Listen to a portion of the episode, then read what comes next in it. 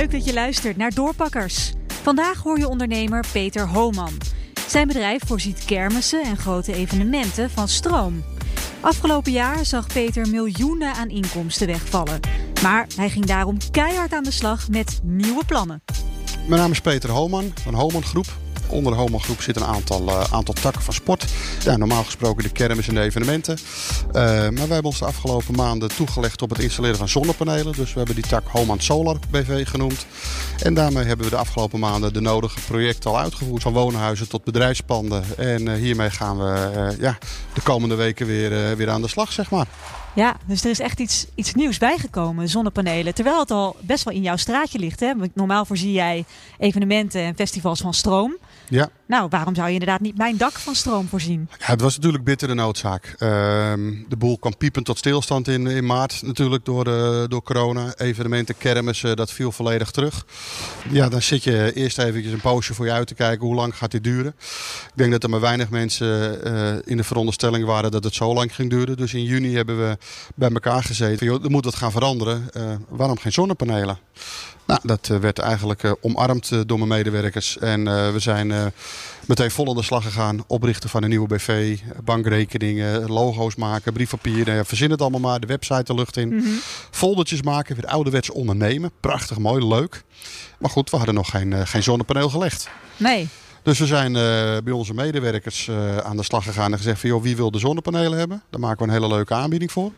En we zijn bij de, op de daken van de medewerkers begonnen met het installeren van zonnepanelen. Gewoon om maar even te oefenen. Ja, vlieguren te maken.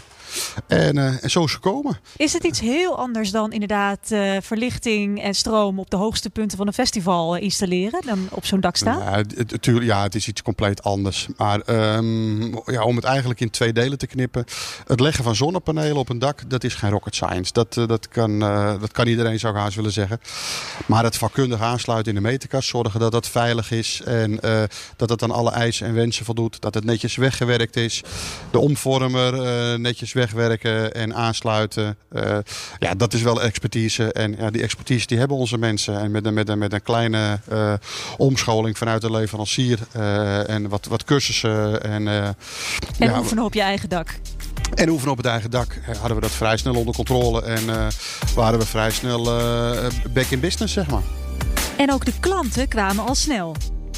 En eind juni kwam er hier in, in onze gemeente de Ronde Venen kwam er een krant uit over duurzaamheid. Um, dus ik heb als de wiede weer gaan flyer laten maken met daarop een actiepakket voor het leggen van zonnepanelen op de huizen. Um, daar hebben we 19.000 van laten drukken. En die zijn uh, eind juni meegegaan met de duurzaamheidskrant naar alle, naar alle huizen hier in de omgeving. Mhm. Mm -hmm. en, uh, en we waren los. En toen zijn we de nodige huizen gaan doen. Hoeveel en, opdrachten kwamen eruit? 50. Zo. Ja, wel 40 huizen zeg maar. En daarna uh, druppelt dat wel na zeg maar. Ja. Dus daar kwam, kwam meteen een opdracht uit. Dus we zaten vol. Ja. Dus daar zijn we mee aan de slag geweest tot uh, oktober, uh, om het zo maar even te zeggen. Nou, en in oktober uh, zijn we normaal gesproken druk met het installeren van de, van de kerstverlichting. Ja, dus, wat gemeenten huren jullie in, onder andere, ja. hè, om overal een beetje de straten... Winkeliersverenigingen, ja. vastgoedeigenaren, winkelcentrums, eigen Om de straten gezellig te maken. Ja, shoppingcentermanagers, om de straten gezellig te maken. Nee, dus daar, daar viel jouw omzet totaal niet weg? Nee, nou iets, ietsjes uh, dachten we in het begin. Maar uiteindelijk zijn er een heleboel winkeliersverenigingen nog geweest die zeggen... ja, we willen die klant met de toch nog naar die winkelstraat halen. En dat is veel beter dan online shopping. Het versieren van de winkelstraten kwam voor Peter net op tijd. Want half december moesten de winkels ineens allemaal dicht. Qua financiën was 2020 een pijnlijk jaar voor Homan. Wat is een gemiddeld jaar voor jou qua omzet? 5,5 miljoen. Ja. Nou, er viel 4 miljoen weg. En die anderhalf, waar zat die dan nog wel? Kerstverlichting. De kerst. Ja. Hoeveel procent van jouw omzet maken die zonnepanelen nog goed? Um, kijk, nog lang niet wat het zijn moet. Want we hebben uh, met de handrem erop verkocht. Omdat we ook wisten dat het uh, feestverlichtingsseizoen eraan zat te komen. En Ja. dat wilde ik niet voorbij laten gaan. Dus Nee. we hebben de agenda gevuld van, uh, van, van, van, van juli tot september, zeg maar. Om Maar hoeveel procent heeft dat goed gemaakt? Ik denk er 15, 20 procent. Dat is dan toch mooi meegenomen in coronatijd. Peter is volop bezig met plannen voor nog een nieuwe bedrijfstak. Ik heb ook nog de domeinnaam kermis.nl.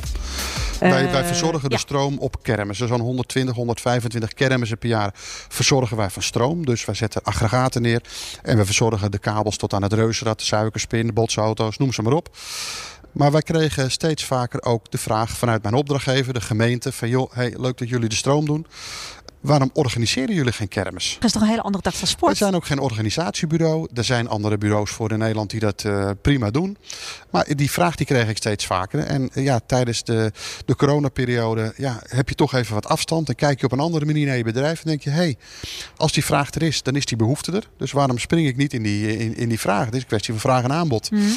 Dus wij zijn per 1 januari uh, begonnen. Daarom ook de domeinnaam kermis.nl. Die gaan we weten gebruiken. En dat we eigenlijk alles gaan regelen voor de Van organisatie tot installatie. Echt doorpakken dus. Tot morgen.